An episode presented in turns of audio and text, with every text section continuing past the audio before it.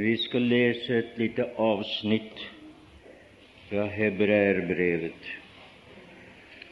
i det ellevte kapitlet, fra vers 13 til og med 16. I tro døde alle disse uten at hadde oppnådd det som var lovet, men det så det langt borte. Det var en åndens åpenbarelse.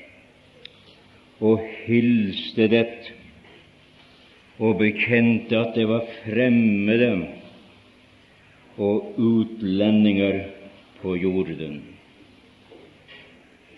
For det som sier slik, gir til kjenne at det søker et fedreland og dersom de hadde tenkt på det som var kommet fra, det var fra Mesopotamia, da hadde de jo hatt tid til å vende tilbake.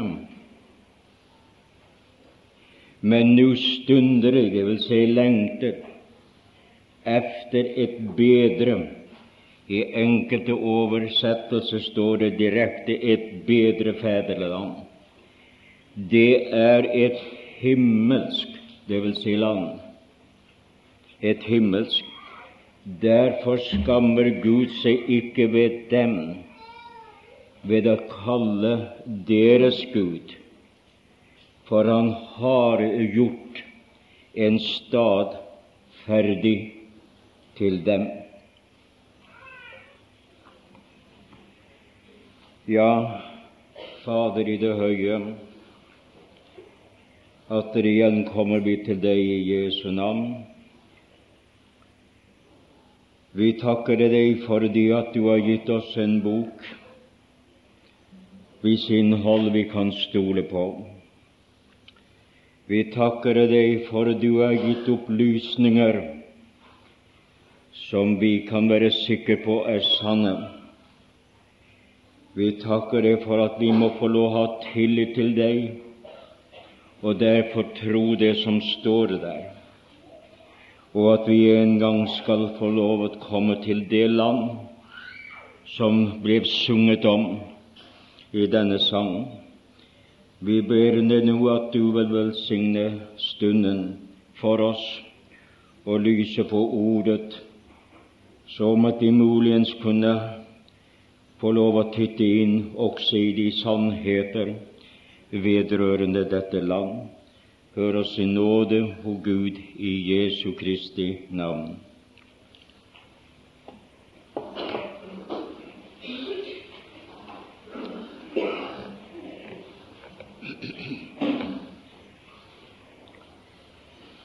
Men jeg får litt lys her. Ja, takk. Jeg skulle jo ha som tema i denne timen det bedre fedreland. For uh, vi stanset jo ved i formiddag reisen fra denne jord til himmelen. Og dette land må vi få lov å tro er slik som Skriften omtaler den. For det så stederne som er nevnt, det er virkelighetsskildringer. Der er en himmel, og i denne himmelen bor Gud. Men det er i det landet så kalles det bedre fedreland og det er i den byen, i den haven som kalles det himmelske paradis. Og det er i den byen som kalles det himmelske Jerusalem. Det er Jerusalem som er der oventil. Og det er i den byen, i det huset som kalles Faderhuset. Det er slik at Vi går innover og innover og innover inn til vi kommer til sentrum. Og det er huset der hvor han bor. Og så går vi utover igjen. I denne verden er det mange land. Og det skyldes den synd som kom inn i verden. Den splittet folkene, så de fikk et fremmed språk. De ble fremmed for hverandre. Men når det gjelder det himmelske fedreland, da er ikke forholdene slik. Og jeg tror at vi kan med rette ha lov til å spørre har så dette landet navn, eller er navnet på landet, eller beliggen og beliggenheten av landet? Hvor er det det finnes? Og beskrivelsen av landet, eller det som er her i landet. Og jeg skal forsøke å gjøre det så godt som jeg kan. Og med hensyn til dette landet så finner vi at det er en firefoldig beskrivelse av det. Det kalles et bedre land. Og hva forteller det? Det forteller at det er bedre enn det jordiske land. Vi overgår dem på alle måter, dette landet. Det er bedre, for synd er ikke der. Tenk hvor meget synd som er i denne verden, og her i Norge, som må bære navnet et kristent land. Bedre, for bare frelste er der, ingen andre. Tenk om Norge, av alle mennesker i Norge, var frelst, hvordan alle ting ville vært annerledes. Om Gud fikk, fikk lov å gjøre det. Men i det bedre fedreland, der er det bare frelste bedre. Det er bedre, for det en bedre livsform, en bedre livsutfoldelse enn det er i noe annet land i dette himmelske land. Bedre livsvilkår, en bedre styreform, for den er helt styrt av himmelens Gud, av Jesus Kristus som sitter på tronen. Bedre, den kalles også et fedreland. Det er den annen beskrivelse. Det første det var at det var bedre. Bedre, altså som fedreland. Det frelstes slekter er der. Fedreland. Troes helteren er der. Det troende som har dødd i troen på Kristus, menigheten, den triumferende menighet er der. Alle dem som skal bli martyrer under den store trengselen, utallige skare som ble drept, som ikke vil tilbede Antikrist de kommer dit. Det er et fedreland. Fedreland fordi at alle dem som har kommet dit, er dem som har vært, så å si, med å føre oss over på Herrens side. Du kan tale om din åndelige far og din åndelige mor som ledet deg til Kristus. De fleste kan det. Men det kalles også et himmelsk land. En himmelsk ideologi råder der. Ideologien i et land har forferdelig meget å si for forholdene i landet. Et himmelsk språk tales der, for det går ikke omkring som mumier. De er ikke uten talens bruk. Så snart som et menneske har blitt frelst, så er de født med evnen til å tale. Fader. Det er nesten det første de kaller på. De er født med talegaver. Det er et himmelspråk som det er der. Det er et himmelsk livsutfoldelse der. Livet leves der slik som Gud ville skal leves. Men en videre at dette landet, det er bare et eneste. Det er ikke flere på denne Guds klode, for et land må være på en klode. Og det er denne klode som er omstrålet av denne regnbuen som først omgir tronen, og dernest så stor omgir himmelen, for himmelen betyr en hvelving. Det er denne Guds stråle, at han bor i et lys hvortil ingen kan komme i kjødet, altså. Og han er selv et lys. Og all hver gang man har fått et innblikk og fått sett hvordan noen har sett himmelen, så har vi sett ham som den strålende. Og denne hans herlighet er det som omgir denne kloden, og dermed også som fyller dette hele landet, som landet fyller hele denne kloden. Slik er forhånd. Dette landet, der behøves ikke flere, for det fyller det hele. Det er nok for Gud, men det er også nok for alle dem som er der. Nok det er én Gud, én Frelser, ett folk, et land. Det er enheten som råder på alle områder der. Det var altså den første ting jeg ville nemlig påpeke om landet. Den annen ting vi ønsker å nevne, det er beliggenheten av landet.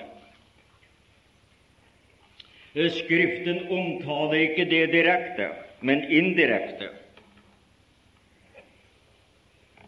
Vi hører om det i Hebreerbrevet 11. kapittel 14-16, og det har jeg lest, men vi leser om. For den som sier slik, gir til kjenne at det søker et fedreland, det bekjente at det var fremmede og utlendinger på jorden, men nå stunder det efter et bedre, et himmelsk, et himmelsk land. Og det forteller oss om beliggenheten, at det er i himmelen et virkelig land. Og denne himmelske klode som det må være, ellers kan ikke en land sveve i luften. Der. Således har vi beliggenheten der. Der er nevnt et himmelsland og en himmelsby, og det ene er like så virkelighet som det annet. Det er ikke Israel. Det er ikke tusenårsriket, dette landet. Det var ferdig og gjort i stand da, og de kom dit. Det er velsignet. De kom dit til der. Og de kom til dit til dette landet da Jesus oppstod fra det døde og for til himmelen. Da bortførte han dem ut fra dødsrikets gjeldsfengsel, innskjønt skjønt det var et paradis. For synden var ikke sonet annet enn symbolsk. Gjelden var ikke betalt annerledes enn symbolsk med dyreblod, og dyreblod kunne ikke ta bort synd. Det var med andre ord i Guds ord hadde fått en sjekk. Løfterne, men ennå var det ikke noe til å dekke sjekken. Det går an å slive ut en sjekk, men hvis man presenterer den sjekken i banken, og de ser etter ja, det er ikke dekning Derfor var ikke dekning. Derfor døde jeg tro uten å oppnå løfter uten å oppnå det som var lovt. Men dekningen kom ved Kristi frelsesverk på Golgata, godtgjort ved hans oppstandelse at han var Guds veldige sønn. Og da førte han dem ut av dødsrikets gjeldsfengsel, og han førte dem opp til herlighet. Hvor godt er ikke dette at så skjedde? Da tok han dem som bytte fra slaget på Golgata. Han avvæpnet av Gud gjennom Kristus, avvæpnede makter og myndigheter og viste seg som seierherre over dem. Og da rev han så at si nøklene fra dødsriket. For før hadde døden seiret. Døds har seiret, og Kristus har nøklene til døden og til dødsriket. Og da ble det flyttedag i dødsrikets paradisavdeling, og det er hjemme. Det er bedre fedreland, dette her. Ulyset svære der hvor Gud bor, på den himmelske klode. Dette gjentar jeg og har gjort det flere ganger. Men hvordan er så størrelsen? Det er en tredje ting jeg vil nevne. Det er størrelsen på dette landet. Det er ikke nevnt direkte, men indirekte. Kan vi ha en anelse om det? Ikke i kilometer og mil, men allikevel. Dette landet må være så stort som Guds behov og allmakt tilsier. Og det er ikke knuslete og lite. Vi har hørt om hva Han har skapt der ute i verdensrommet. Litt om det. Så det må være et veldig land. Det må være så stort at det svarer til hva himmelen innebærer, hvor alle det skapte sentraliserer seg om ham som er på tronen, om der hvor han er, så at det er et veldig sentrum i Guds univers. Det må være så stort at det har rom til alle frelste, fra den gamle pakts hellige helt For Abel kan vi jo si, men jeg tror at vi skal møte Adam og Eva i paradis, for det var jo de som forkynte og fortalte om det hele til sin slekt. Ja, det skal det være. Der er alle nå av de frelste ånder, millioner og atter millioner, helt fra Abel, kan vi si, og til Kristi død, oppstandelse da han før, og himmelfart da han førte dem hjem til herlighet. Der er alle dem som har dødd i troen på Jesus Kristus fra pinsedag den nye pakts husholdning. Der skal alle de komme, alle de som kommer til å være martyrer under den store trengsel. Så det var et veldig plass, og der er, må være plass i det landet for alle Herrens engler. Og det er millioner og millioner. Der må det være billioner av mennesker og livsformer det, i dette land i denne himmelen, i dette land som er i denne himmelen. Så vi forstår dette. Men en videre skal jeg få lov å si litt mer angående gi en beskrivelse av landet. I dette bedre fedreland, der kalles, der kalles Guds rike for i et land Enten er det båt, og, hvis det er bebodd, så må det være en styreform. Og hvis det er en styreform, så har det et navn, og det er Guds rike. Der i dette landet der er Guds rike sentrum. Han hersker der fra sin trone i himmelen. Han er på tronene nå. Han kommer sin i hånd. Hans trone, det er sentrum. Guds rike er universalt. Det innbefatter alt det som han, har, som han ved Kristus har skapt. Det er Guds rike.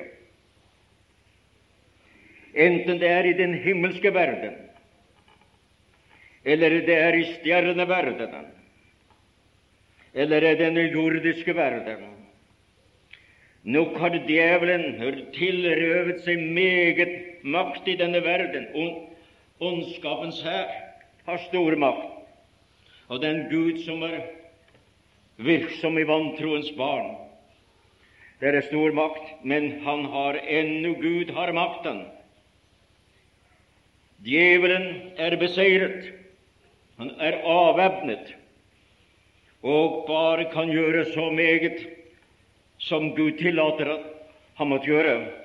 For mennesket har en fri velge, og Gud vil ikke ha noe treller. Han vil ha dem som velger å tro på ham og leve for ham og tjene ham. Sådan er det i denne. Guds rike er særpreget. Der råder bare kjærlighet. Der er bare rettferdighet. Der er bare hellighet. Der er bare renhet. Og nå er det slik at alt det Gud har i himmelen, vil han gjenskape. Han er ikke egoistisk. Han hadde en sønn, den enbårne. Han skapte sønner, englene. Han ville ha gjenfødte sønner, bønn, her på jorden. Og derfor var det at han frelste, for at himmelen skal bli full av det som hører ham til. Så alt i himmelen vil han gjenskape. Første menneskenes hjerte ved at Guds rike består i fred og rettferdighet. Han vil gjenskape det. Himmelen. Gud vil ha det som er i himmelen her på jorden. Og det er den himmelske ideologien som skal råde på denne jord når riket blir opprettet. Og det er stort. Det er vidunderlig stort. Det er forskjell mellom himlenes rike og Guds rike. Guds rike er alt det som han eier, som han kaller sitt. Derimot himlenes rike, det skulle være den himmelske ideologi. Men det ble forkastet ved at de forkastet kongen og riket ble utsatt. Og således ble det til at himlenes rike skulle representere den himmelske ideologi, og det skulle det gjøre innenfor kristendommen. Men den er langt fra den himmelske ideologi som det skulle være. Det er et blandet rike. Det er et blandet rike. Og i Kristi fravær, inntil at Han kommer, Og når Han kommer, da blir den himmelske. Vi ser i denne menighetens husholdning at der, for der er lignelsen om himlenes rike. Og der er surdeig. Det står alltid. Det er ikke noe som heter evangeliet surdeig. Surdeig står alltid for et fremmed element som er kommet inn i det knuste melet. Og hvis det ikke blir ødelagt ved ilden, så vil det råtne melet, så det perpestet omgivelsene. Og det var syndens makt. Der er en unaturlig vekst. Der er de klinten blant veden, det ekte og det uekte. Der er det som kalles det dårlige fisk. Og det er fisk som var bildet på det fisk som, som ikke hadde skjær som ikke behøvde å ribbes. Du kunne legge dem på, på pannen slik som de var. Det var forbudt. Israel hadde ikke lov å gjøre det. Og hvor mange er det ikke som synes de er gode nok? Men de andre folk, de måtte ribbes for alt. Og på den måten ble vi frelst, at vi ble ribbet for alt av vårt for å få Hans, og Hans ble vår frelse. Det er dette. Men jeg vil ikke si noe mer om dette. Det kunne være meget mer å si om dette. Derimot vil jeg si litt om beboerne av dette land. Dette bedre fedreland har beboere. Det er ikke et utdødd land. Det er ikke et tomt land. Det er det ikke. Vi hørte hva det er. at de ventet der, og det var gjort i stand for dem, og han hentet dem, og de er der. Vi ser litt på hva det står f.eks. i Filippenserbrevet i det tredje kapittel og det tyvende vers.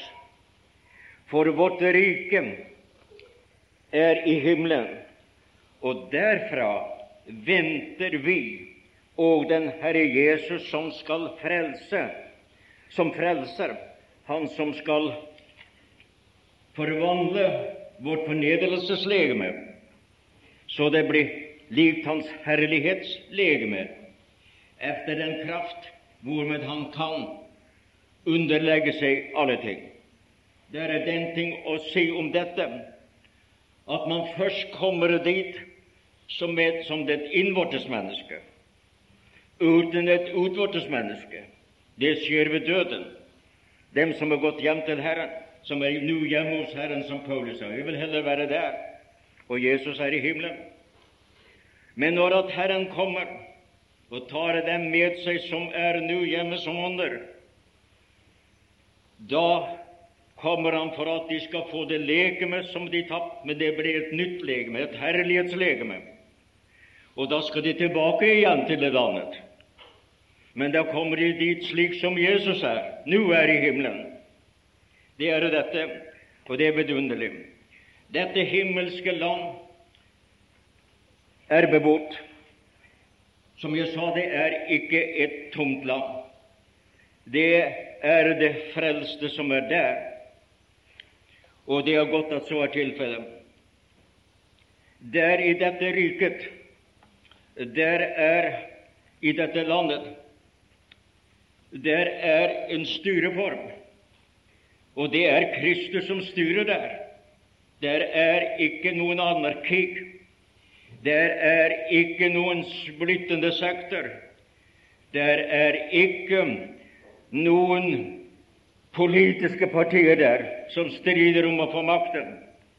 Nei, der er bare dem som har én vilje og én lyst og en interesse, det er Kristus.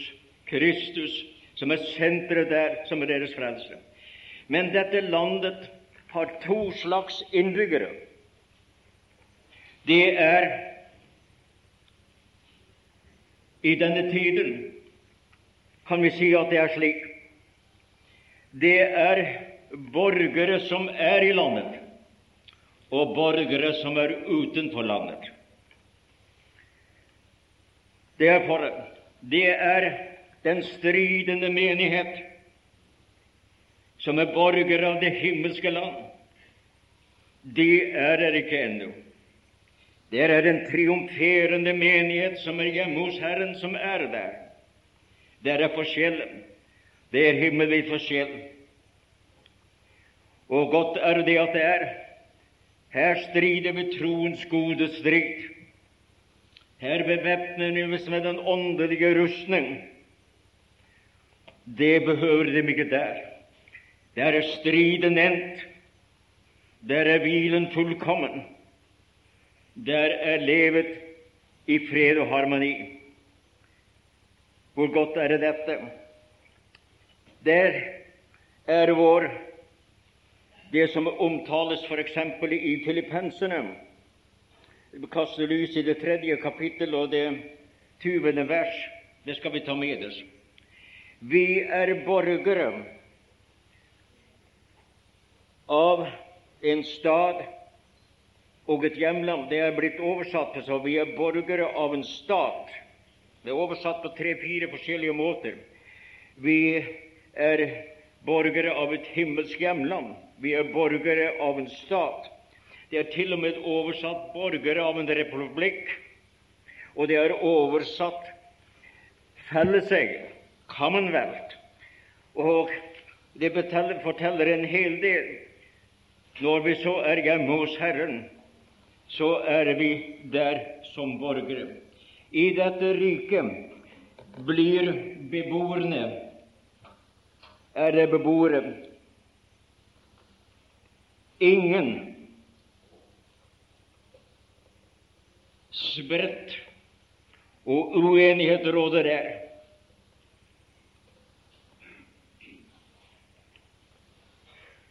Vi hører hva Paulus sa. Vi, da vi får et rike som ikke kan rustes, så la oss være takknemlige.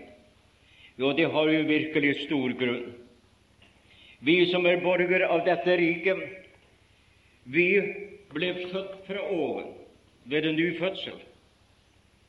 Vi har våre rettigheter der oppe og søker det ting som det er oventil i Kristus Jesus.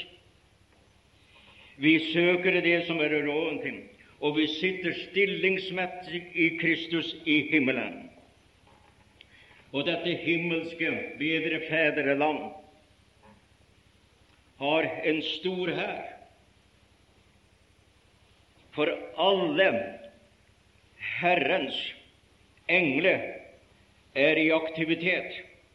Og himmelens hær, det er ikke bare stjernene, men det er også englene i særdeleshet. Og han kalles herskarenes Gud. Og når han kalles herskarenes Gud, og det har han gjort på mange steder eksempel i Jeremias er han omtalt åtte ganger som herskarenes Gud. I Haggai er det 34 ganger at han er omtalt, nei, 14 ganger. Og i Sakarias 53 ganger. Og i Malakias 25 ganger. Og denne hans herre det er englene. Så de som er hjemme i Faderhus, de som er hjemme i, Herre, i dette bedre fedreland, de omgås med englene. Englene er der. De er jo tjenende ånder. Om de tjener dem som er der oppe i herlighet, det tør jeg ikke uttale meg om, men i alle tilfeller så er det tjenende ånder som gjør Guds vilje. Og den orden, det er orden alle, blant disse som er der. De er oppdelt i ordener av forskjellige slags, og det er mange av dem. Jeg, det er en som har forsøkt å regne det ut, etter hvor mange engler det skulle være, men jeg tør ikke si noen ting om det, så jeg tror jeg skal la være med det.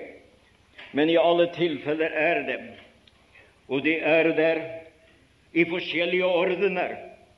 Det er tronengler, det er et tjeners engler. Det er et sangkor av engler. Der er krigsengler. Der er overengler. Vi har bare nevnt to overengler i vår, men i, det, i um, Enoks bok er det nevnt syv forskjellige eh, overengler. Og kirkefedrene siterer ofte fra Enoks bok, og den er jo også omtalt i et avsnitt i Judas brev er sitat fra denne boken. Sådan er forholdene der. Jeg vet ikke om at jeg skulle si noe mer om dette. Vi som er her i dag, er vi alle sammen har vi alle sammen borgerskap i dette riket. Er vi alle sammen søkere av de ting som er der oventil i Kristus Jesus? Tar vi ut våre rettigheter? Er vi alle løst og føler oss som pilegrimer? Eller er vi bundet til denne verden? Er det den himmelske ideologien som preger vårt liv. Det er mange ideologier her i verden, og den setter seg preg på menneskene. Er vi ferdig til å flytte som pilegrimer for å overføres til dette himmelske land, for å være sammen med dem som er kjøpt med Jesu blod, som har det evige livet, som opplever den største lykke, som lever det saligste liv, som omgås Kristus på en slik måte som aldri før.